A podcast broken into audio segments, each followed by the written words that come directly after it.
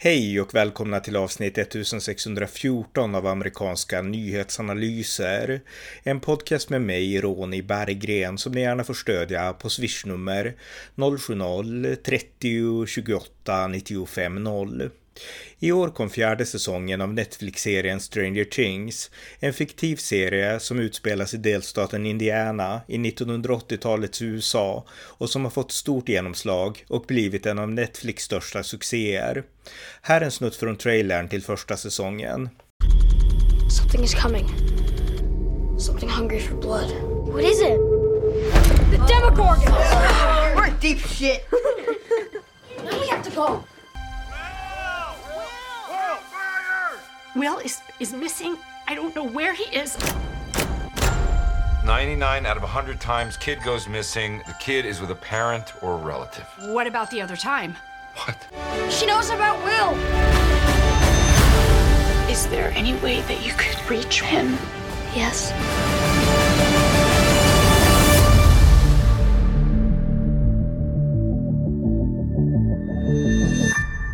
Här samtalar jag om serien tillsammans med Arash Vatanka utifrån såväl ett nostalgiskt som historieanalytiskt perspektiv. Varmt välkomna! Arash Vatanaka, välkommen! Tack så mycket! Eh, du och jag, vi är ju båda nördar när det gäller film och tv-serier och sådär. Och jag noterade ett inlägg som du skrev på Facebook häromdagen där du hypade den här, ja, inte nya men relativt nya serien Stranger Things som går på Netflix. Och jag är också en superfan av den serien som jag nyss har sett. Och eh, jag tänkte vi borde prata om den du och jag. Därför att det, jag menar i våran ålder så är det inte lätt att hitta många som är liksom så här nördiga i sådana här serier. Så att jag, jag är jätteglad att jag stötte på ditt inlägg. så att, men du, du, du, du, du, du gillade serien? Ja, jag gillade serien. Alltså, eh, för mig var det nytt. Eh, jag vet att den har kommit 2016. Och eh, jag hade noterat att dottern, som eh, nu är 16 år, att hon hade tittat på det och hon hade nämnt lite. Då, du vet, då tänkte man okej, okay, om hon gillar det så kanske ingenting för mig och så vidare. Eh, så ja, jag tog faktiskt tid på mig innan eh, jag gav den en chans.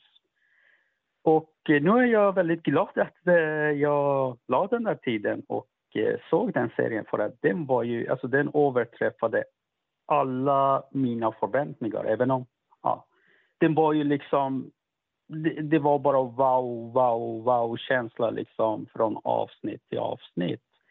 Um, Mm. Så att, eh, nej, jag är glad att jag såg den faktiskt. Det var, Men eh, din dotter, tyckte hon att den var bra eller var hon en fan också eller? Ja, hon gillade den. Alltså, eh, hon gillar ju skräck. Och i och med att jag gillade också skräck när jag var, alltså sen jag var jätteliten. Då var jag inte så där som många föräldrar kanske liksom tänker nej, det här liksom, du kan få mardrömmar och så vidare.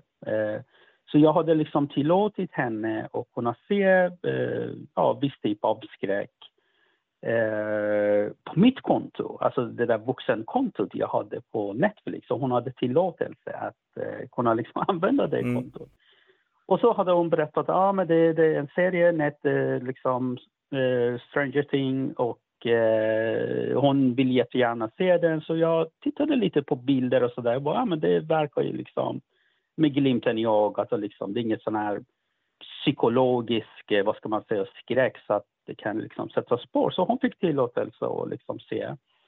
Eh, men eh, jag kollade inte själv att okej, okay, vad är det för nivå och så vidare. Jag tänkte det är en Netflix liksom, produktion. Och så. Så, att, eh, så hon gillade den. Eh, faktiskt. Mm. och tyckte att den var liksom jättekul. Men det stannade där. Så att jag visste inte så mycket mer om serien tills jag såg den själv nyligen. Just det.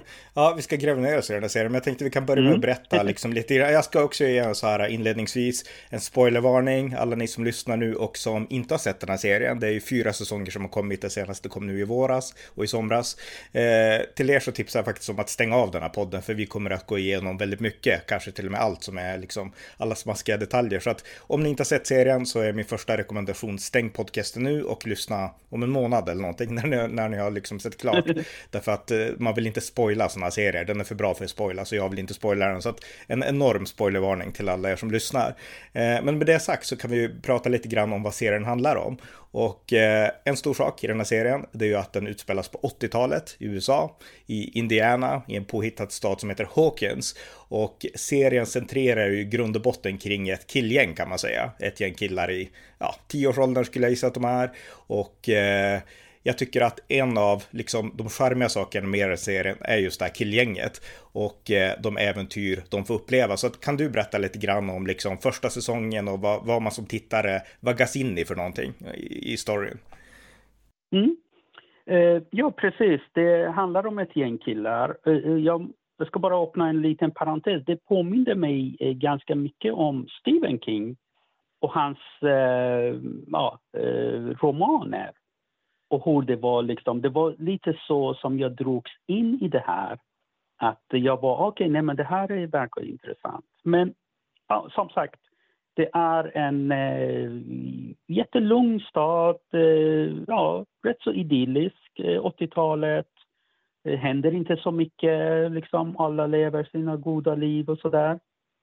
Eh, eh och sen är det ett killgäng i det där stora liksom, landskapet som har hittat varandra. Och det är liksom som så många gånger det är ett gäng nördar som... Ja, ingen tjej, alltså det är inga coola tjejer som är, liksom vill vara med dem och så vidare. Så att eh, ett gäng nördar som hittar varandra och Eh, och jag, jag, jag, måste bara säga en sak, jag måste bara inflika. Ja. Det, de, det de har som gemensam faktor är att de älskar att spela rollspel. Och rollspelet är, rollspelet är Dungeon and Dragons på engelska, på svenska hette det Drakar och Demoner och det var jättekänt även här Just. i Sverige. Jättemånga ungdomar. Jag också, eller vi spelade andra spel, men, men liksom det, var, det var jättekänt ja. på, på den tiden. Både i Precis. Sverige och USA. Mm. Ja. Eh, och eh, ja, det kretsar kring eh, det där eh, ja, Norda-gänget som eh, ja, helt plötsligt så stötte de på en, eh, ja, en flicka från ingenstans. Eh, och eh, det är den här eh, flickan som så småningom har varit med om och vem hon är och varifrån hon kommer Eh, och sen hände det alltid lite så mystiska grejer för det var ju någon eh, forskningscenter i väldigt hemligt eh, liksom anläggning i militär anläggning i den där stan som inte ens polisen visste så mycket om, alltså polischefen i stan. Mm. Hade visste att liksom, den finns där men man visste inte liksom, vad det som händer där, vad håller de på med, vad gör de och så vidare.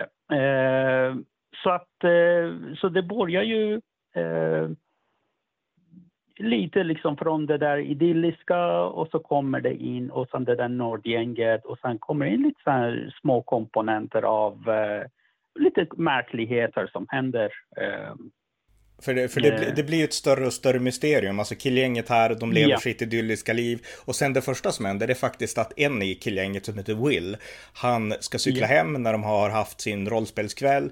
Och på hemvägen så är det en varelse som han stöter på. Alltså han, han liksom, mm. det, på en väg han cyklar och så är det en liksom mörk varelse som dyker upp. Inte en människa utan någon slags övernaturligt väsen.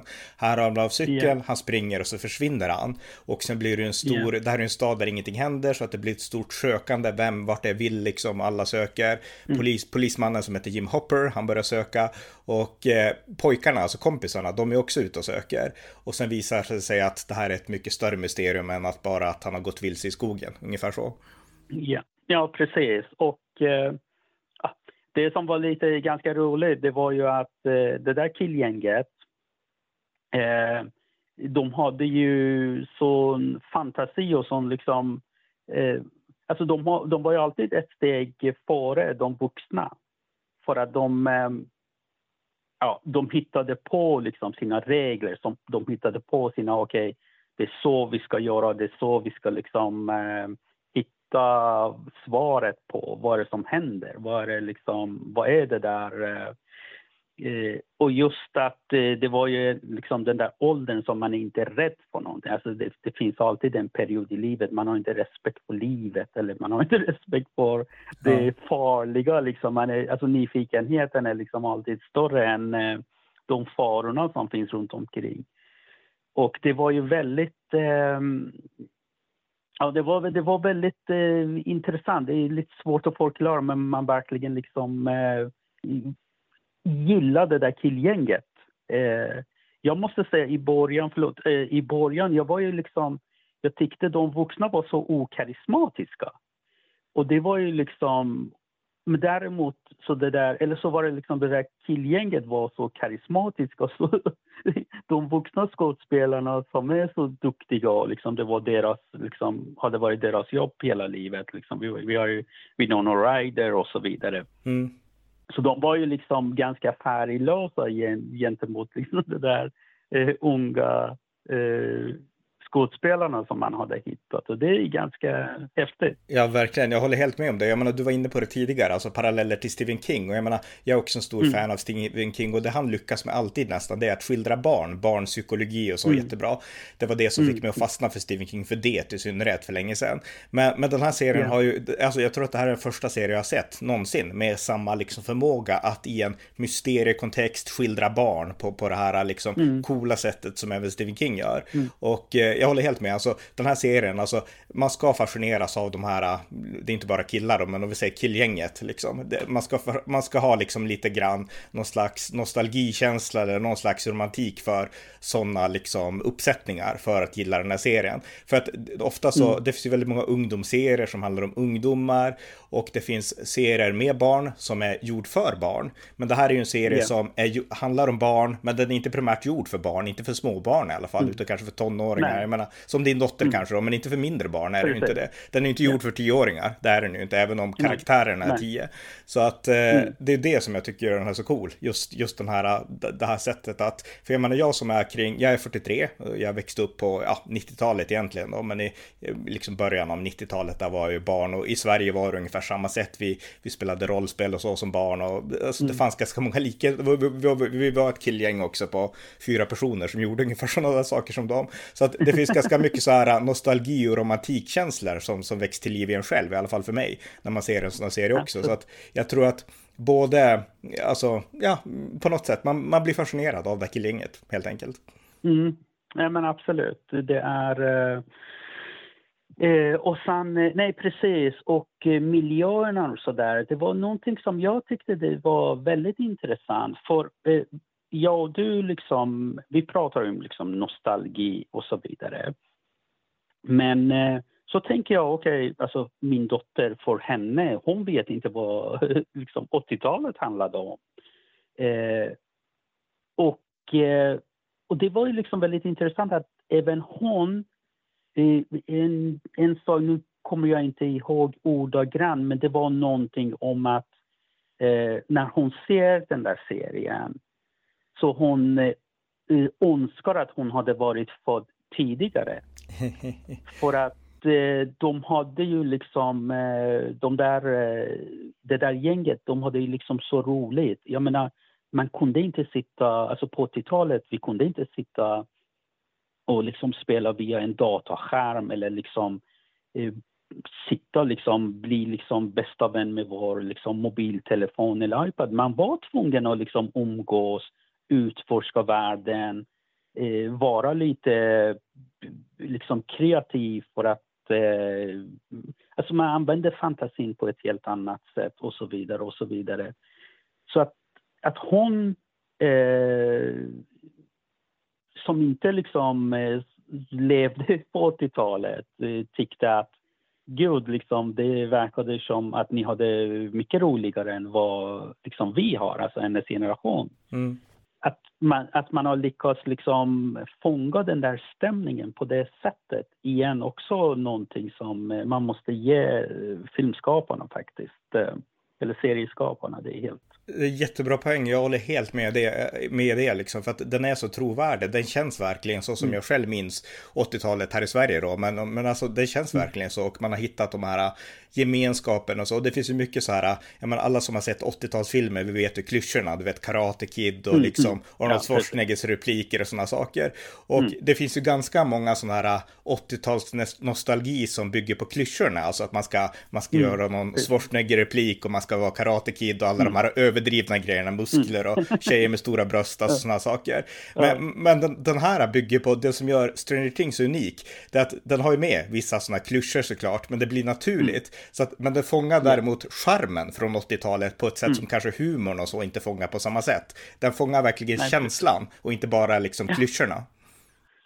Nej, precis. Uh, och ja, nej men absolut. Det, det, det var ju, alltså jag blev glad. Jag blev mm. lite, ska man säga, lycklig när uh, dottern liksom kände den där känslan. Även om uh, hon inte har varit där, hon kan aldrig liksom men att hon fick det där att det finns ju, eller det fanns någonting bortom eh, den livsstilen faktiskt vi har idag. Mm. Det, eh, väldigt isolerad. Jag menar rollspel och sådär. Idag spelar också folk rollspel. Men då är det via en dataskärm. Man sitter inte liksom vaken på nätter och du vet, Nej. sent och börjar. Mm. Nej, exakt. Men den poängen, just den här generationsmötet, det tycker jag är jättespännande. Jag har inga egna barn så att jag har inte den erfarenheten, men de som mm. jag känner som har det, de, de berättar verkligen att här kan vi mötas. Alltså, nu kan jag få mina barn att gilla 80-talsmusik och, och sådär. Mm. Och, och, så. så att jag tycker den verkar helt charmig på det sättet.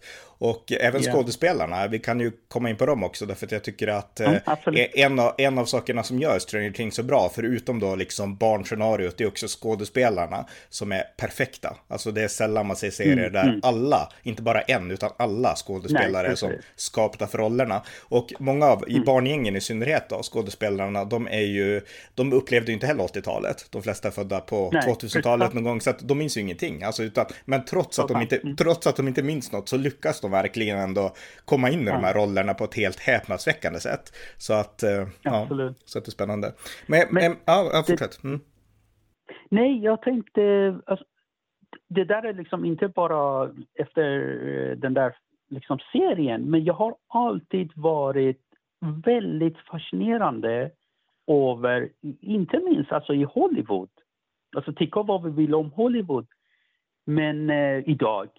Men alltså hur lyckas de hitta så duktiga skådespelare som är så unga eh, gång på gång på gång. Och sen, jag menar, en sån produktion, jag menar, tänk om, eh, om vi säger till exempel Dustin som är vår favorit i mm. serien. Mm. Eh, att hitta en sån kille och sen och satsa så mycket för jag menar, eh, hade det kommit liksom säsong två, tre utan Dustin, det hade, alltså för mig, det, då, då hade jag liksom hoppat av och sett mm. serien. Men att hitta en och sen veta att okej, okay, den här personen kommer att leverera även om sex år. Mm. Eh, det är ganska, alltså för mig är väldigt såna fascinerande att hur, alltså, hur lyckas de hitta de där talangerna som kan leverera eh, när de är jätte, jätteunga och sen när de blir tonåringar och eh, inte tappa i kvalitet det är faktiskt, eh, det måste man ge Hollywood. Alltså det, det, ja. det är fantastiskt. Ja, verkligen. Och just den här serien då, det är Netflix som har gjort den, men den är skapad mm. av två tvillingbröder som heter, de kallas The Duffer Brothers, Matt Duffer och Ross Duffer heter de. Eh, och de är väl i, inte vet jag, 37 år gamla eller någonting, alltså övre 30-årsåldern. Och eh, det är de som har liksom valt ut skådespelarna och jag har sett mm. videos och jag har läst att de hade ju ingående auditions där det var flera hundra mm. skådespelare som konkurrerade om yeah. varje roll. Så att de har ju verkligen valt med noggrannsamhet, alltså vilken skådespelare som ska spela vilken karaktär. Så att de har verkat tänkt igenom det här väldigt bra. Sen den skådespelare som de själva liksom först ville få på kroken, det var såklart Winona Ryder. Och hon spelar yeah. ju en av, hon spelar mamman i en familj här och får en ganska yeah. betydelsefull roll. Eh, hon, eh, vad, vad, heter hon? Alltså, jag funderar på, jag har glömt vad hon hette, karaktären alltså, Winona Ryders karaktär. Joyce Byers heter hon uh, ja, så var Joyce det. Byers, precis. Så var det. Och eh, det är också en karaktär som är jättebra, men hon är ju egentligen den enda stora skådespelaren innan liksom. Ja. Visst är det så? Mm. Det, det, det, stämmer. Och hon hade ju, eh, det var ju lite som eh, Eh, det känns som de där bröderna tänkte okej, okay, det känns som ingen bryr sig om henne längre, liksom, Winona Ryder. Så hon har ju haft en tuff, eh, eh, vad ska man säga, liv senare liksom, åren. Och det, hon har inte fått de där stora vad ska man säga, rollerna eller karaktärerna i någon serie eller filmer och sånt där. Så jag är väldigt glad att eh, man, tog, man tog dit henne liksom, till den serien och gett henne en ny chans i karriären. Och, liksom, eh, och hon levererade. Alltså, du vet, man, man, man tyckte så synd om henne ja. alltså, bitvis i serien. Att, men, för, för, för, jag kan bara inflika här då innan vi fortsätter att hon, hon spelar alltså Joyce Byers som är mamma till Will Byers, alltså pojken vi berättade om som försvann. Så att hon ja. lever en stor del av sitt liv i sökandet efter sin son och hon blir helt hysterisk mm. och hon blir liksom ett nervvrak, det är väl den bästa beskrivningen. Men hon, hon spelar mm. ju den karaktären så otroligt bra. Ja, verkligen. Det, Ja, precis. Det är...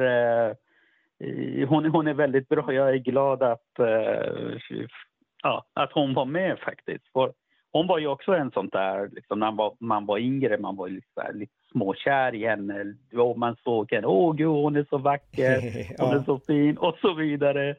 Och sen så gör hon en sån comeback i en, just en sån serie om 80-talet och så vidare. Ja. Nej, det, var, det, det, det är också, ja, det är mycket sådana här små genialiska drag av eh, producenterna och liksom regissörerna. Det är helt... Eh, mm. Ja, jag instämmer helt alltså. Eh, men jag tänkte vi kan prata lite om några av de andra karaktärerna och skådespelarna. Ja. Och eh, jag ja. vet inte, min favorit är ju såklart, jag tänkte vi skulle spara henne, men vi kan komma in på en gång, men Eleven, alltså jag tycker hon är jättecool. Ja, och hon är också en, jag har inte berättat så mycket med henne, men hon är ju den här mysterieflickan som det här pojkgänget träffar tidigt. Och eh, Eleven är, varför det heter Eleven, det bygger alltså på siffran 11. Eh, det beror på att hon har en siffra intatuerad på sin arm, siffran 11. Och eh, hon har flytt från det här Hawkings Institute, det här, ja, konstiga laboratoriet som finns i staden, mystiska laboratoriet ska jag säga, som finns i staden Hawkins. Hon har mm. rymt därifrån och eh, de som styr laboratoriet, de är på jakt efter henne. Men, och hon har då funnits i laboratoriet därför att hon har vissa superkrafter kan man säga. Alltså hon har en förmåga mm. att kunna kanalisera energi och kunna alltså, göra saker som andra inte kan, få saker att flyga och lyfta och sådana saker. Och eh, hon träffar det här grabbgänget och eh, de tycker först att vad är det här för konstig person? Men de är också väldigt empatiska så att hon får komma hem till, eh, till Mike Wheeler, en av de här pojkarna i det här gänget och bo i hans källare hemma hos hans familj och de gömmer henne och sådär. Och hon börjar liksom uppenbara att hon har speciella krafter och eh, det som får dem att verkligen connecta med henne det är att hon ser ett kort, en tavla på deras försvunne kompis Will och hon säger att jag känner igen honom, jag vet vart han är. Och de tänker va, va? hur kan du veta det? Och då säger hon till slut att han är i the upside down, säger hon. Och eh, mm. då öppnas en helt ny värld av mysterium för det där pojkgänget och de inser att wow, den här flickan kanske kan hjälpa oss att hitta vår kompis. Ja, nej, men hon är, eh, ja, hon är ju lite av huvud, eller ja, hon är huvudkaraktären. Ja. Och eh, ja, väldigt duktig. Det var ju också Alltså, du vet, det går ju liksom, det, alltså, det känns som deras roller eller hur de växte in i rollen, det blev liksom exponentiellt. Alltså det var ju, man bara okej, okay, det räcker nu liksom. Det kan inte bli bättre än det här. Ni kan inte spela bättre än det här. Och skå, skåd, skådespelaren, skådespelaren som spelar Eleven, hon heter Millie Bobby Brown. Hon är rätt känd idag, men, men, men det är hon i alla fall. Yeah. Mm. Ja. Nej, men det är... Uh, ja. Uh, alltså, storyn är väldigt, vad ska man säga, det, det är jätteöverdrivet. Men samtidigt, eh, och den där stackars mamman hamnar i det där eh, som eh, förlorar sin, eller ja, eh, tappar bort sin son. Eh, i, mitt i det där att liksom försöka övertyga världen och sen så kommer ja, en flicka med övernaturliga krafter och sen är det där pojkgänget som är så här påhittiga och försöker liksom eh, hitta eh, bron till en av liksom deras eh, ja, vänner liksom i det där killgänget och så vidare. Ja, nej men det det, det, kan ju liksom verka väldigt liksom, ah, men man måste, man måste verkligen ge serien en chans och se den med öppet sinne. Ja. Och för att komma in, för det är ju, det händer ju ganska mycket.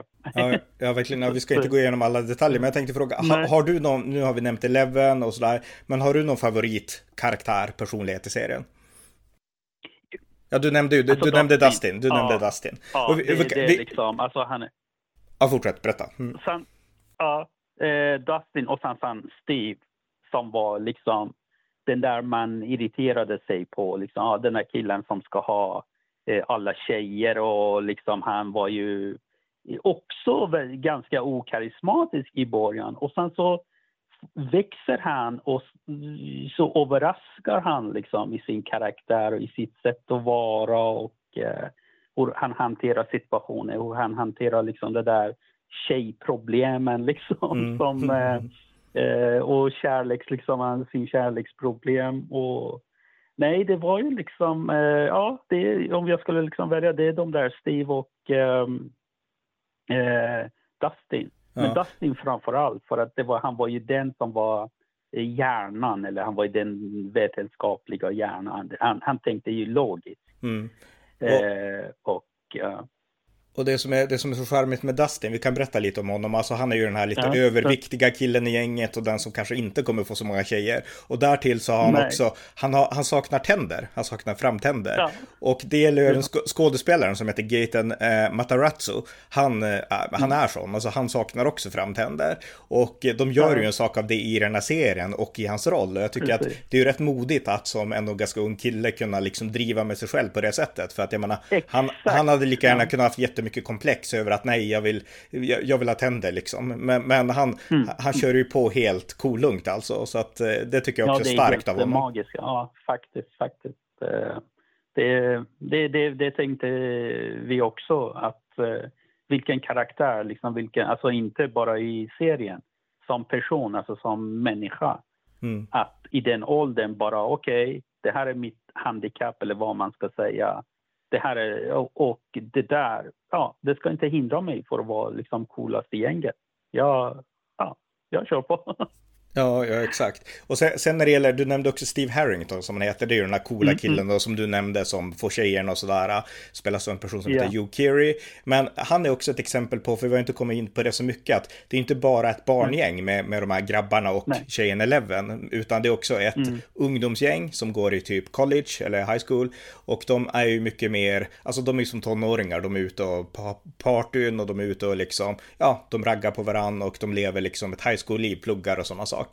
Och eh, det är också ett intressant gäng då, för där är Steve Harrington och vi har Nancy Wheeler som är stora Precis. syster till Mike Wheeler. Ja. Och det gänget är också väldigt så här charmigt på sitt sätt, även om jag föredrar barnen, för det är de som är bäst här. Men, men, men även ungdomarna är bra. Mm. Nej, men det... Sen, jag vet inte. Du vet, eh, det är ju... Eh, jag vet nog hur liksom... Det, det är också en frågetecken jag alltid har i alla fall. Det är skillnad om man har ju, okej, till exempel, vi har ju Sagan om ringen. Det är så många böcker. Och det, vi skulle liksom eh, göra, sig två, en film av varje bok eller liksom två filmer av varje bok och sen vi vet hur det slutar och så vidare. Då vet man, då har man ju liksom ett slut, hur det ska sluta. Det är typ som Titanic, liksom. du vet hur det slutar. Eh, så börjar man liksom från ruta till slutet. Men när det gäller den typen av serie som eh, jag vet inte, har man någon, masterplan att okej, det ska vara till exempel fem säsonger eller vart eftersom eh, det blir eh, populärt så liksom förlänger man och försöker man liksom eh, göra storyn lite större och, eh, och många gånger man märker att okej, en serie till exempel, eh, vad hette den, eh, 90-talet, Lost tror jag Ja, just det. som var jättebra i början. Och sen 2000-talet, när det kom början, pop- ja, början av Ja, ja. 2000 kom den. Okej, ja. ja.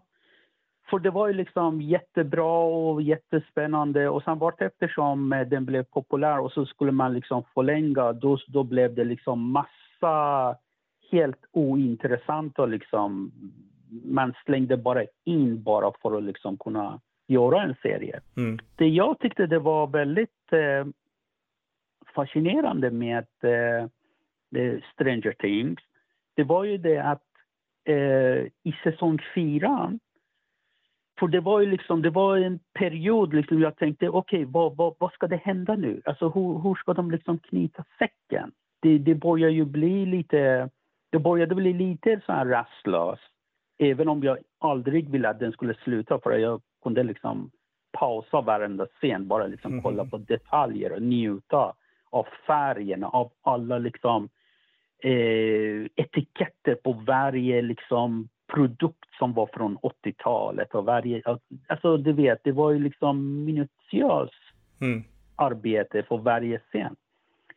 Men så tänkte jag liksom, okej, okay, eh, men kom igen. Det, och sen kommer det liksom något, eh, någon twist var det inte, men i alla fall så knyter man liksom säcken, inte hela för att den, det kommer ju liksom säsong fem.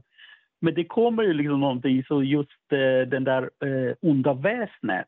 Mm. Eh, för det var ju liksom, ah, det, det var ett sånt monster och sen var det liksom också parallellt ett annat väsen som var knuten till den, ja, det där monstret eller vad man ska säga. Och så kommer det att eh, för det där Eleven och eh, man får ju se lite att eh, vissa scener att okej, okay, någonting har gått väldigt snett eh, en gång i tiden i den där eh, forskning eller liksom mm. mystiska eh, byggnaden eller vad man ska säga. Så kommer de liksom helt plötsligt så slänger man in en eh, liksom story som knyter hela, okej, okay, då, då får man, ah, okej. Okay. Så Elevens och det som händer nu, det beror på liksom det och det. Och För mig var väldigt sån här, eh, alltså jag var ju väldigt så, imponerad. Ja. Och så då tänkte jag, vänta nu, när de gjorde ettan, hade de det redan eh, då att de skulle ha? Eller jag vet inte. Men... Min, min, min tanke, om jag får skjuta in här då, alltså min tanke, jag tror så här att de hade väl en övergripande The Duffer Brothers historia i mm. början, mm.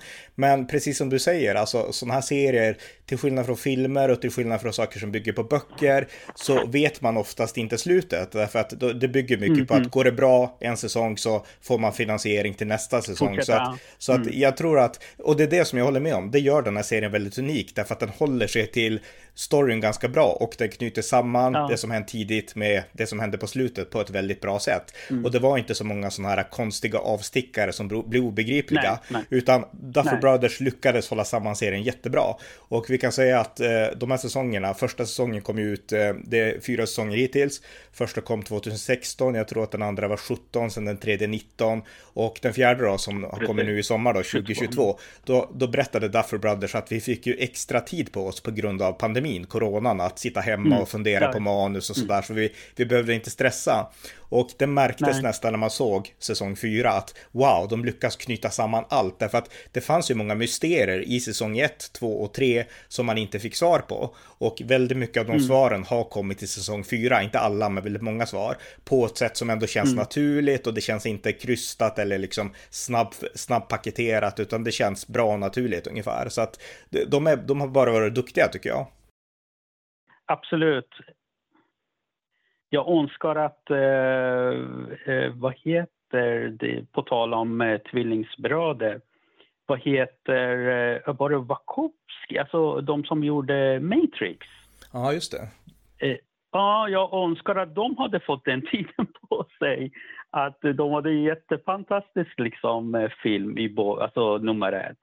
Och sen så blir det ju liksom bara blaja och den sista, jag har inte ens sett den. Alltså jag, jag har fått så, fått så dåligt liksom. Ja, det blev ju vågt eh, på ett, till en nivå som är, ja, ja. Eh, de mest liksom inbitna fansen liksom bara, men lägg av, alltså vad håller ni på med? Ja, jag håller med, alltså Matrix 1 var ju underbar, men de andra, sista var faktiskt bättre än man kan tro, men, men de andra är ju inte bra. Okej, okay, ja. Ja. Så att, ja. Så att, eh, men eh, hoppas det där inte, eh, nej, jag, det, det, där kommer inte att hända Stranger Things, liksom gänget. Nej. De är alldeles för... De är för bra helt enkelt. Eh, men, ja, men jag tänkte vi kan ju också gå in på lite grann, alltså det som är, de hade charmiga detaljerna i serien liksom. Alltså vi, vi pratade mm. om att den utspelas på 80-talet och eh, Alltså allt som man minns kännetecknade 80-talet och även allt som, jag menar, jag växte upp lite på 80-talet och även på 90-talet då, men man såg ju många amerikanska 80-talsfilmer och man får ju jättemånga mm. flashbacks när man ser liksom Stranger Things. Och jag menar, vi har hockeyfrillan, yeah. alltså killar med långt hår där bak, yeah. det var väldigt känt, Steve Harrington och sån. Och vi har ju de här, eh, dels så kan man se att, jag tror att det är Dustins mamma som kör en svensk Volvo 240. Och alla som såg mm. film mm. förr i världen, alltså när man var, nu finns ju knappt de, de bilarna finns ju inte längre, men när man såg film och växte upp, då var det alltid så kul när man satt i Sverige och såg, åh titta de kör en svensk Volvo igen liksom. För du, de yeah. gjorde alltid det på 80-talet i 80-talsfilmer. och eh, ja, det gör de ju här också i den här serien.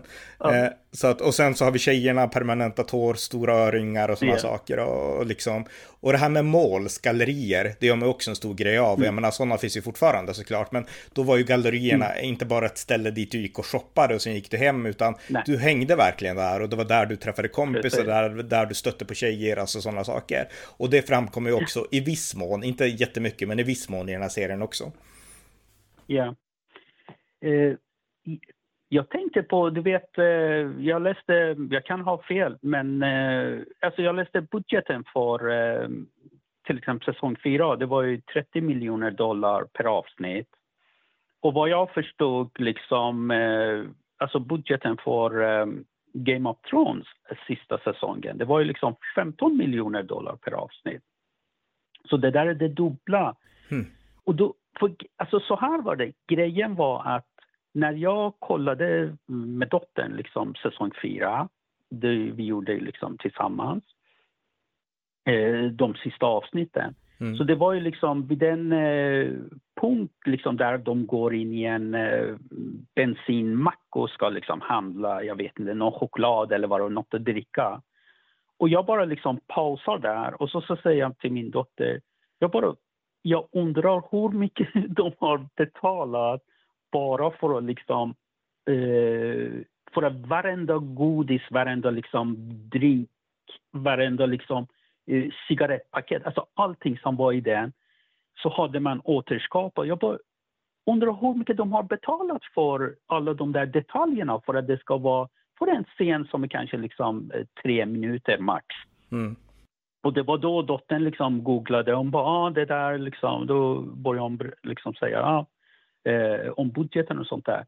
Eh, det, och det är liksom, det är inte bara klä, alltså kläderna, eh, frisör, färgerna och de där eh, ja, malen du berättar om och så vidare. Det är, det är så fascinerande. Alltså jag är verkligen såld på Ja, jag, jag håller helt med. Men, men det var intressant, jag, jag, visste inte det, för vi kan säga att Game of Thrones, det var ju det som alla menade ja. att det här är ju världens dyraste serie och sådana saker. Yeah, yeah. Och, och, då har vi Stranger Things med typ en dubbelt så stor budget mm. i den senaste säsongen, ska sägas då. Yeah. Så att det, ja, det, det, gör nog rätt mycket. Jag tror mm. att därför Brother sa också i en intervju jag såg att eh, när de växte upp då i, jag tror att de kom från North Carolina, då, då växte de ju också mm. upp med, med, med mycket, alltså film snarare än tv-serier. Och filmer brukar mm. oftast vara mer påkostade och så. Och det känns ju när man ser de här avsnitten, speciellt nu i fjärde säsongen där varje avsnitt är, mm. eller i alla fall många avsnitt är typ två timmar istället för bara typ en yeah. timme. Då känns det ju som att man yeah. ser en film för varje avsnitt. Precis. Ja. Så att, eh, ja, nej, det är, eh, vi, vi nämnde ju liksom, ja, 80-talet, jag var ju inte här ens.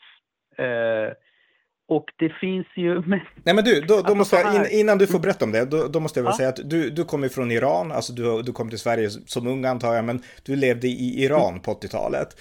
Och ja, eh, kan du inte berätta lite om liksom, dina reflektioner utifrån den erfarenheten? Därför att idag så, ja. det, det är många som gnäller också på sådana serier och vad fåniga de är och liksom vågkulturen, som jag bör säga, det fanns inte så mycket av den i den här serien. Men, men gör dina Nej. reflektioner utifrån din bakgrund.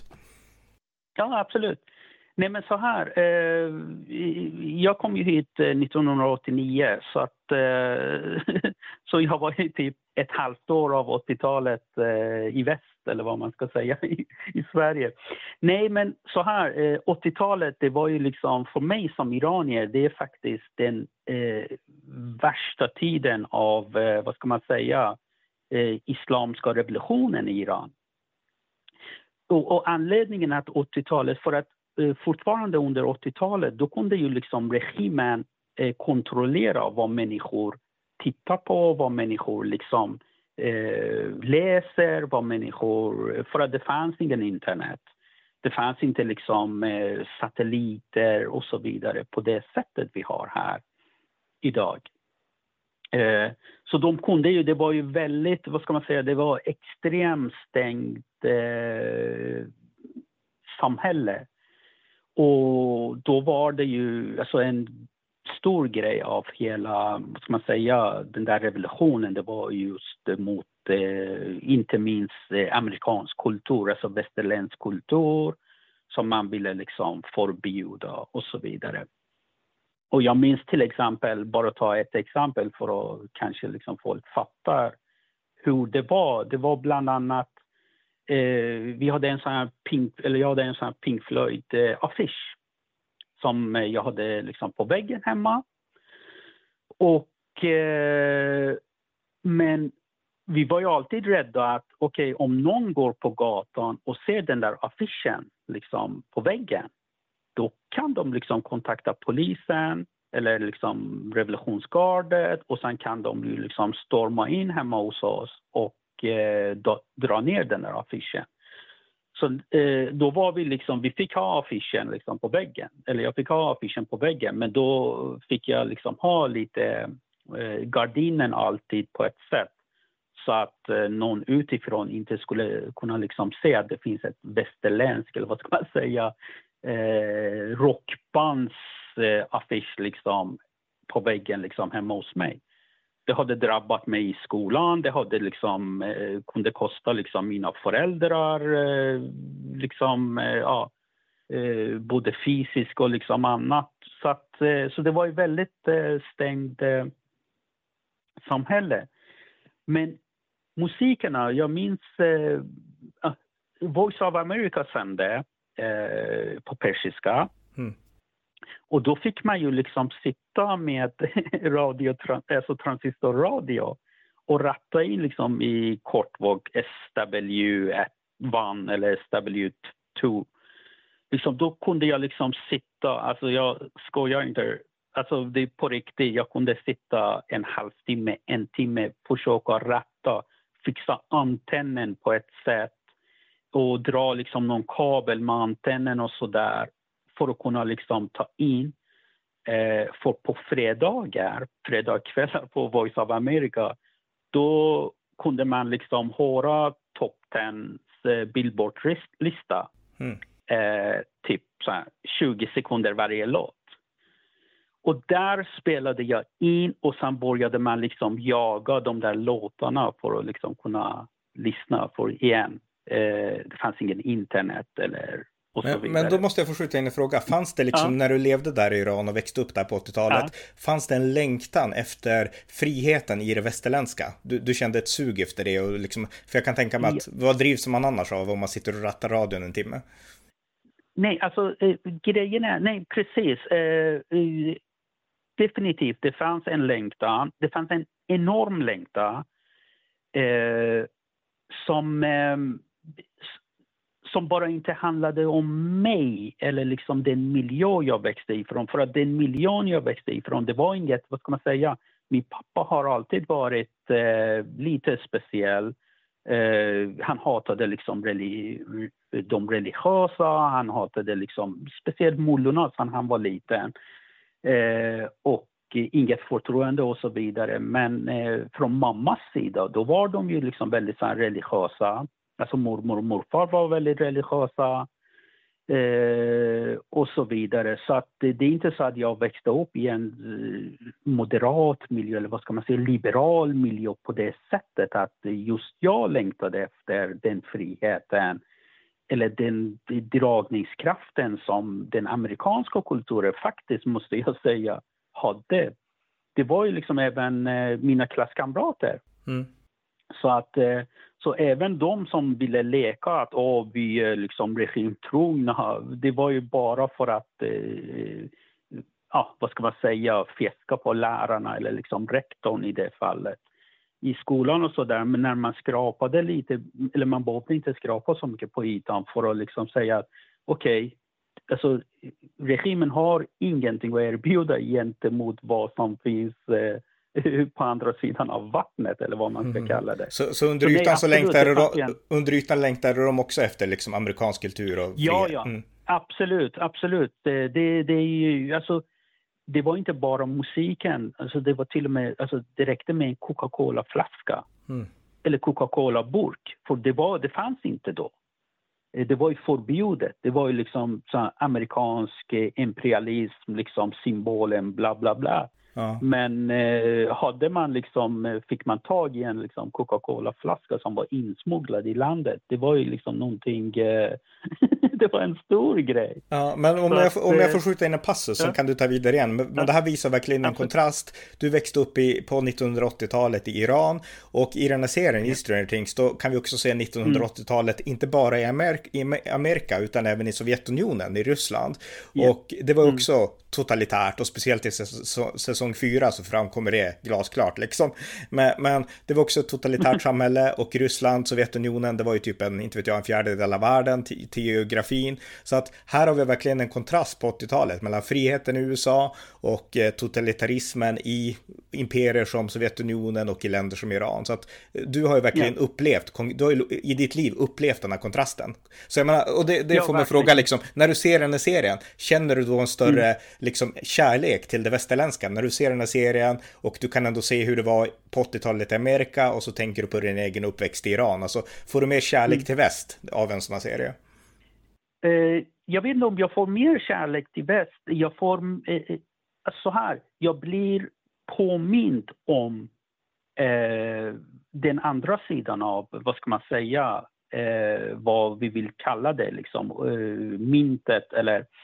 För, eh, det är lätt att glömma bort, det är det som är lite problematiskt. Det är verkligen, jag menar när man lever i, eh, i Sverige idag till exempel, det är lätt att glömma bort eh, just när det gäller den kulturella. När, liksom, när vi börjar ju, okej okay, nu, nu, liksom, nu ska vi inte bli så politiska men bara lite, jag måste säga, man måste påminna sig själv om att eh, visst, det är mycket eh, som har gått åt fel håll i det västerländska, liksom, eh, vad ska man säga, demokratin och eh, eh kulturen och så där. Och inte minst med tanke på att man glömmer bort, man, man, eh, man ger, ehm, alltså man släpper in eh, krafter i den kulturen som inte gynnar kulturen så att säga. Jag menar, ta bara det där med Vogue som har kommit in. Ta bara det där med att det ska alltid finnas alltså, eh, någonting som ska kritisera eller liksom trycka ner eller klanka ner på det vi har här. Bara för att det ska vara liksom hip. Eh, det är ganska tragiskt faktiskt, eh, tycker jag. Mm.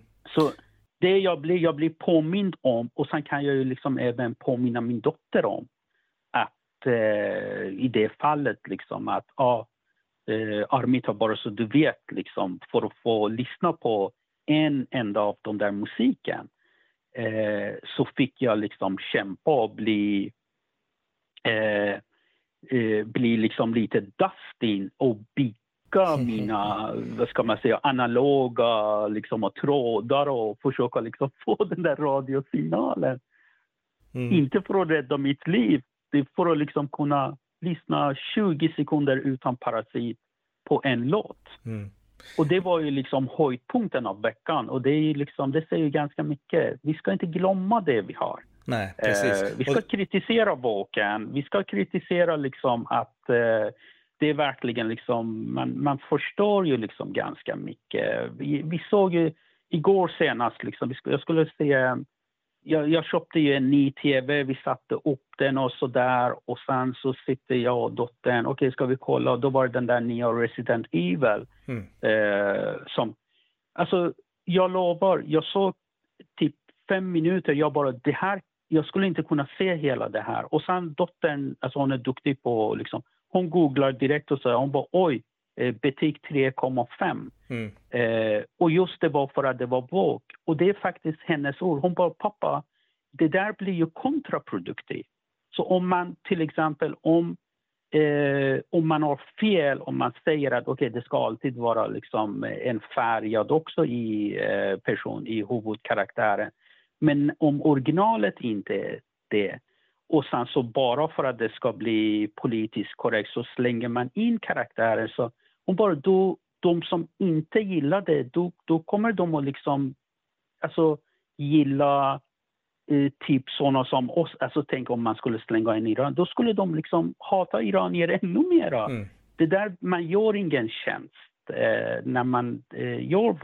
Nej, exakt. Men å andra sidan, vi får inte liksom som sagt glömma bort att eh, ja, det, det görs ju liksom jättemycket bra också. Så, så att, Ja, men, men några tankar på det här temat jag ska försöka koppla Ja. tillbaka det här till Stranger Things. Men vi gör en liten passus här. Ja. Jag menar, jag tycker inte att det finns ju inget värre än när man försöker liksom kvotera in personer som inte passar i rollen. Och det bästa exemplet på Mm. det, vi nämnde Stephen King tidigare, det gjordes ju en, en väldigt dålig visserligen, men likväl ett försök till en filmatisering av Stephen Kings Mörka Tornet häromåret. Och eh, Mörka Tornet har en huvudkaraktär som heter Roland. Och eh, Stephen King bygger Roland på Clint Eastwood, cowboy, liksom skådespelaren Clint Eastwood som spelat cowboyroller i hela liksom sitt liv. Han är vit, han är liksom storväxt, muskulös, stilig när han var ung och sådär. Och eh, i rollen som Roland i den här nya filmatiseringen så har vi Idris Elba, en svart man, svart skådespelare som inte alls ser ut som någon cowboy från 1880-talet, vilket Clint Eastwood gör. Och för mig förstörde det hur mycket som helst därför att okej, Ja. kul för dig att du får vara med, men här behöver vi ju en vit skådespelare. Du passar ju inte i den där rollen. Det är ju liksom,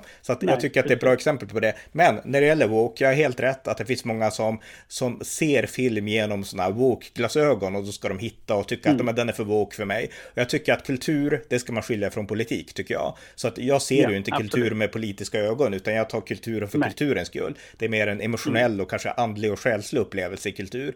Och politik, det är mer, det är en annan sak ungefär. Det är bara för att styra upp vardagslivet liksom. så att, Precis. men, men, men en sak med, med, med som Ja. jag ändå tycker är bra med Stranger Things, det är att den är ju inte woke, utan den är ju ungefär, den skildrar verkligen 80-talet på det sätt som jag upplevde och minns att 80-talet var. Så jag tycker inte att, eh, att eh, Stranger Things är woke. Eh, vad tänker Nej, du om det? absolut inte. Nej, eh, det är inte det. Eh, det är väldigt... Eh, nej, det, jag såg ingenting som skulle liksom kännas som våg. Eh, sen är det så att det var intressant på tal om inlägget. Eh, du, du, du skrev ju att, till exempel att ja, eh, Netflix måste överleva. Mm. Och då, ja, och då menade du att, eh, eh, ja, så att de, den där säsong fem skulle komma och sådär. Men å, andra, eh, den andra, vad ska man säga, sidan av just det resonemanget, det är det att så här, eh, det finns bok, alltså om vi tar Netflix eller HBO, liksom de där stora som gör faktiskt fantastiska serier och dokumentärer och sådär. Det, det, mycket av det är bok. Men det vi inte ska glömma, det är det att det är ändå liksom det är fri marknad. Alltså, de gör serier baserat på alltså deras publik, de som betalar. Och om, om vi som är till exempel, jag och du och liksom många som jag och du tycker att eh, nej men Vogue är bara kontraproduktiv, den är liksom, den förstör kulturen. Eh, det, det är liksom om vi ska liksom bara för att oh, nu gjorde de den serien och då ska vi liksom säga upp abonnemang, alltså säg, till exempel Netflix-abonnemanget.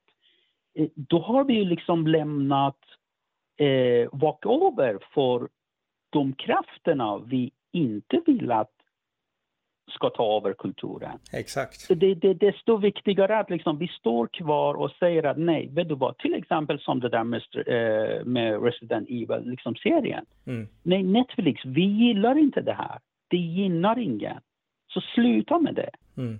Och liksom eh, vara med och kunna liksom påverka en att nej, nu, nu liksom säger jag upp abonnemang. Åh, vad bra, liksom Netflix håller på att gå i konkurs eller deras aktier liksom. Det och det. och- Jag, jag tycker att vi borde ju faktiskt eh, vara mer eh, engagerade och eh, uppmuntra, alltså bara ratea en eh, liksom, serie som är bra. Eh, Som, är- alltså, Och skriva en liten kommentar, motivering till varför. Precis, precis, precis. Och det är så vi måste ju, vi kan inte, för eh, vi, vi ska inte ta någonting för givet. Det finns ju liksom krafter eh, som eh, vill förstöra liksom det här. Jag menar, jag är så glad att Netflix finns så att jag kunde se den här serien. Jag menar bara det är värt, eh, och vi ska inte glömma, det är det jag vill säga. Det här är, eh, det är verkligen en kultur, en del av den kulturen som eh, måste få liksom, finnas kvar och gå från generation till generation, vilket eh, vi ser liksom, exempel på att man kan lyckas med det. Det går. Mm. Jag tänkte vi, vi ska fortsätta, vi ska avsluta med några saker till om Stranger Things Ja. mer specifikt, därför att det finns mer saker som jag vill gräva i med dig.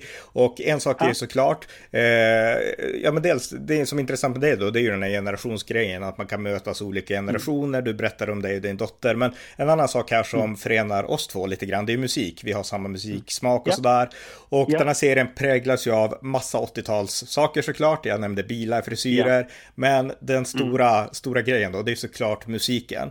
Alltså, de har ju Ja. verkligen varit helt genialiska i att lyfta fram det som var populärt, musiken som var populär på 80-talet. Mm. Och den, den låt som har fått mest uppmärksamhet, det är Kate Bush, en, en av hennes sånger, Ja. som är en central, och det är inte bara liksom bakgrundsmusik, utan den spelar en Nej. central roll för en flicka som heter Maxine, en av karaktärerna i Stranger Things. Hon överlever Mm. bokstavligen när hon lyssnar på liksom Kate Bush. Och eh, om du börjar, sen kan jag ta över. Alltså, vad, vad är dina känslor och tankar kring 80-talsmusiken i serien? Alltså, eh, just, eh, jag, precis som du sa, liksom, jag är väldigt så här, musikintresserad. Jag, det är liksom, ja, det är en del av det första jag gjorde när jag kom hit, shop, shoppa liksom en musikanläggning för att kunna sitta hemma och lyssna på musik och verkligen liksom ja, njuta. Och eh, ja, alltså musiken är, det, det är genialiskt val, det är så otroligt snyggt mixat som så mycket annat liksom i den produktionen. Och eh, just det där Kate Bush-låt, alltså, alltså kan du förstå att ehm, de har lyckats göra Kate Bush till en eh, eh, cool, eh, alltså lyckas, hon är ju cool och sådär, men även för eh, den yngre generationen. Mm. Att bara det att liksom bara ta henne och ta en av hennes låtar och, eh, och pumpa den. Alltså det var ju när man ser i serien just eh, det du nämnde att liksom det, att den kommer och kommer liksom i, hela tiden liksom den musiken och du vet eh, när jag hör den låten, det, alltså det är verkligen, man får sån här gåshud. Mm. För man, så, alltså man kastas in i den här serien. Men det är inte bara Kate Bush, det är, det är så många andra, liksom, just eh, 80-tals eh, musik. Det, det, det, det är fantastiskt. Och vår- en av- tog ju med även... Jag tänkte komma till det, en av våra favoriter, vi har ju en, ett gemensamt band som vi älskar och det är Metallica, både du och jag. Ja. Och de Ja. har ju lyckats på ett helt underbart sätt nu i säsong fyra. Det här är en jättespoiler, Ja. men jag har redan varnat er. Och det är att det finns en karaktär då som heter Eddie Manson, heter karaktären. Ja. Och han är någon slags 80-talsrockare, han är med i rollspelsgänget i den här säsongen. Och han, han spelar gitarr. Och i en viss scen så är det så att de jagas av typ, eh, vad ska man säga, vampyraktiga typ fladdermöss kan man säga. Eh, Och eh, han måste hitta ett sätt att avleda de här fladdermössen. Och då plockar han upp en elgitarr och så börjar han spela Metallica, Master of Puppets. Och det här är ju liksom en av Metallicas största låtar från 1986. Och eh, alla vi som på något sätt har växt upp med Metallica, vi vet ju att idag så betecknas det som gubbrock. Och här kastas det in för en helt ny generation som aldrig har växt upp med Metallica och som lyssnar på liksom yngre band. Men, men liksom, det, det görs modernt och det, gör, det är ju skitcoolt. Det är ju, alltså jag har varit helt Ja. wow när jag såg det. Och så den låten jag såg att efter, jag vet inte, 30 år eller alltså jättelänge så har den kommit upp till eh, Billboard-listan igen, Master of Puppets. Så det är Mm. ganska intressant att eh, då är det den yngre generationen som har eh, upptäckt eller liksom. Men ja, alltså den, även den scenen, det är liksom verkligen så här gåshud deluxe liksom. Det är, att, att bara komma på idén och göra det så genialiskt, så snyggt. Mm. Och så med glimten i ögat och eh, ja, det är magiskt. Alltså, jag, magiskt. Jag hittar inget liksom annat. Och, och skådespelaren, han som spelar den här hårdrockskillen då, Eddie uh-huh. Munson, skådespelaren heter Joseph Quinn. Och han, han hade ju spelat gitarr som ung, lite grann, han är ingen gitarrist, men han lärde sig ändå det här riffet lite grann. Så att från början mm. är det ju han som spelar och sen så tror jag att man, man liksom, man eh, gör en överläggning så att det är James Hetfield, alltså Metallica-sångares riktiga mm. röst mm. från 80-talet som sen fortsätter sjunga. Så att det, alltså, och, och, även liksom musiken då som jag antar att det är Kirk Hammett och de här. Men, men alltså det, det är ju liksom, alltså det är fantastiskt. Och en sak till som du kanske har glömt, men jag såg nämligen igenom, jag har sett serien två gånger, inte fjärde säsongen, men de, ja. de andra säsongerna. Och jag upptäckte när jag såg ja. den andra gången, då andra vändan, att Metallica är ju också med tidigare i serien. I säsong två, då spelas The Four Horsemen med Metallica. Och då, då är det den här långhåriga den här buffen som är, han är bror till Maxine, den här långhåriga liksom, han håller på att styla sig ja. och så har han The Four Horsemen i bakgrunden på sin liksom stereoanläggning. Okej, okay. ja nej, men det måste jag gå tillbaka och kolla. Ja. Och även andra, ja, nej, andra det... nostalgilåtar, vi kan nämna Bon Jovi, Little Runaway. Mm. Och det som är kul yeah. är att Bon Jovis son, Jake heter han, han är ihop, han är tillsammans med eh, hon som spelar Eleven, Millie Bobby Brown. Så att lite Bon Jovi där ah, också. det visste jag inte. Ja, nej, men det stämmer, ah. det stämmer.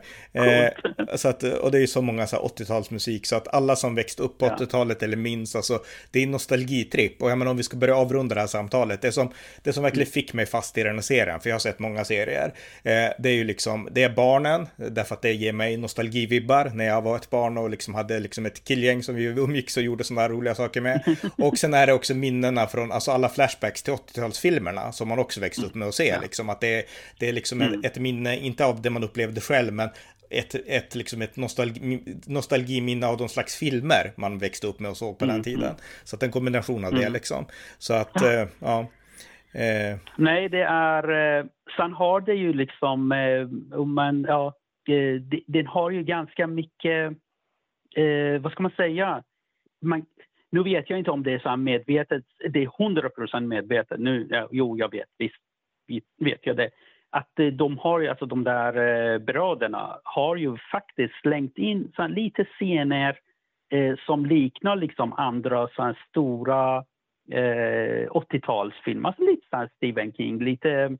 Eh, ja, det, det, finns ju, det finns ju ganska mycket... Eh, ja, det, det, se, se, se, se serien. Alltså och se det med öppet sinne. Nej, men alltså, bra, liksom, nu, nej, nu, nu, vill jag, nu vill jag ta upp en tråd till här, för det var bra att du sa så. Därför ja. att den här serien Duffer Brothers, då, de är ju väldigt, alltså när man ser serien, jag skulle sätta en blandning lite grann mellan 80-talsfilmer som E.T. och sådär. Men framförallt mm. Twin Peaks, eh, den här serien som kom på mm. början av 90-talet, ja. som är väldigt eh, mysterier, liksom, den bygger på mysterium och den är ju mörkare, ska sägas. Den är mörkare än Stranger yeah. Things och den är kanske mer gjort för unga vuxna, alltså för tonåringar. Eh, och där, mm. är ju, där handlar det inte om barn utan där handlar det om tonåringar också. Så den är mörkare. Men det fanns ju sådana vibbar fast för en ny generation och yeah. i lite mjukare form då i Stranger Things. Men eh, alltså en, en tydlig parallell tycker jag till Twin Peaks. Eh, precis. Eh, jo, det var ju det jag tappade bort liksom namnet på. Ja, det blir ju sådär ibland. Eh, det finns ju en scen där Eleven står liksom i en lång korridor och den är ju liksom, det där är ju direkt eh, hyllning till eh, Stanley Kubricks mm. eh, 2001. Så det finns ju liksom, ja, de har ju, ja, de har ju tagit, eh, de har verkligen eh, hyllat 80-talet, eh, allt som hade med 80-talet att göra. Eh, och även liksom eh, sångarna, regissörerna, serierna. Ja, det, det där den där serien kan man se mer än en gång. Jag ska göra det. Mm. Ja, men gör det. Och då, jag måste slänga ett namn till jag måste slänga fram då, för att det vore ju fel av oss att inte lyfta upp honom. En annan karaktär som, ja, vi är ju vuxna dessutom, så vi borde ju liksom ha mer associationer till honom än till Eleven och Dustin. Men det är Jim Hopper som är sheriffen. Eh, ja. Det är ju liksom en... gud. Alltså. Han spelar som en person men... som heter David Harbour och det är en liksom lite överviktig sheriff i typ vår ålder. Men så, alltså också liksom, alltså ge honom en Oscar. Alltså det mm. vilken eh, var så bra rolltolkning och så fantastiskt liksom. Och han, Alltså han är lite så här busig i ögonen. Det, det är hela tiden liksom vad han säger och vad han gör. Alltså, det spelar ingen roll vilken situation han är där. Man ser det där glimten i ögat och man ser liksom det där. Eh, ja, nej, jättebra. Tack för att du eh, tog upp Eh, honom. Och en sista Eh, sak, nu verkligen. ja, precis, en sista sak, nu blir jag som bara slänger ur saker här, men en sak jag noterade för att det- återkomma till politik, det här är ingen politisk serie alls, men när jag har sett filmer, speciellt på senare år, så gör man ju det man kan och det är ju lite vokt och man kastar in liksom något negativt om Donald Trump, något negativt om George W. Bush Mm. ja. och så hypar man Ja. till exempel Obama, när Obama var president, då kom ju de här uh, Transformers-filmerna och jag tror till och med Obama hade en cameo där, där han liksom hade någon sån här upplyft roll att han var storslagen liksom. Men i nästan alla Hollywoodfilmer, då nedvärderar man typ George W. Bush, Donald Trump och så vidare. Och så ibland så hypar man Demokraterna. I den här serien, Ja. då var det ändå så att man kunde ofta se, den utspelade sig på 80-talet och då var Ronald Reagan president i USA. Han som liksom Ja. gav Amerika optimismen och sa vi ska besegra Sovjet och sådana saker. Och då är det väldigt många Ja. hus som glimtrar förbi där, där det står Reagan Bush. Alltså då- det är liksom inför valkampanjen och så visar det att de stöder Reagan Bush. Så att det finns med i bakgrunden utan att det nedvärderas och utan att det förlöjligas. Utan Nej. man ser bara att här är ett hus där folk stöder Reagan Bush liksom. Och, Ja. eh, och en sak som är kul därför att ofta så är det ju eh, Dustins mamma, jag har glömt vad hon heter, men hon är ju så här lite så här överbeskyddande, tönt karaktär och så här lite intolerant och väldigt så här egen på många sätt. Och hon stöder Mm. Walter Mondale, Demokraterna, och Ferraro som hans VP hette. Så att i tönt-associationen så blir det till en demokrat. Och det tycker jag ändå, det, Ja. det, det har ju inget med storyn att göra alls, men det är bara en sån här Nej. intressant iakttagelse. Absolut. Nej, eh, fantastisk serie. Eh, se den. Se den, det, det är vår Jag uppmaning. vet inte om jag har sagt det tidigare, men se serien. Ja, exakt, se serien. Det, vi, vi kan avsluta så, men då säger jag stort tack till dig Arash. Det här var superkul att, att prata om verkligen, för att det, det här är ju liksom en serie som, det är inte lätt att hitta folk tycker jag, inte i min ålder i alla fall, Nej. som tycker att den här är bra. Så att eh, tack för det här Nej. samtalet. Tack för att jag fick vara med. Tack så mycket. Tack för att ni har lyssnat på amerikanska nyhetsanalyser. Det är så här på slutet vill mana er som har möjlighet att med en slant stödja valfri organisation som arbetar med hjälparbeten i Ukraina. Det totalitära ryska samhälle som fanns på 1980-talet håller på att återvända och den ryska imperialismen räcker sig återigen in i Europa. Så ni som har möjlighet, stöd gärna Ukraina med en slant. Vill ni stödja den här podden så är jag förstås tacksam för det också. Swisha i så fall på nummer 070-30 28 95 0 eller stöd via hemsidan på Paypal, Patreon eller bankkonto. Det var allt för idag. Tack för att ni har lyssnat.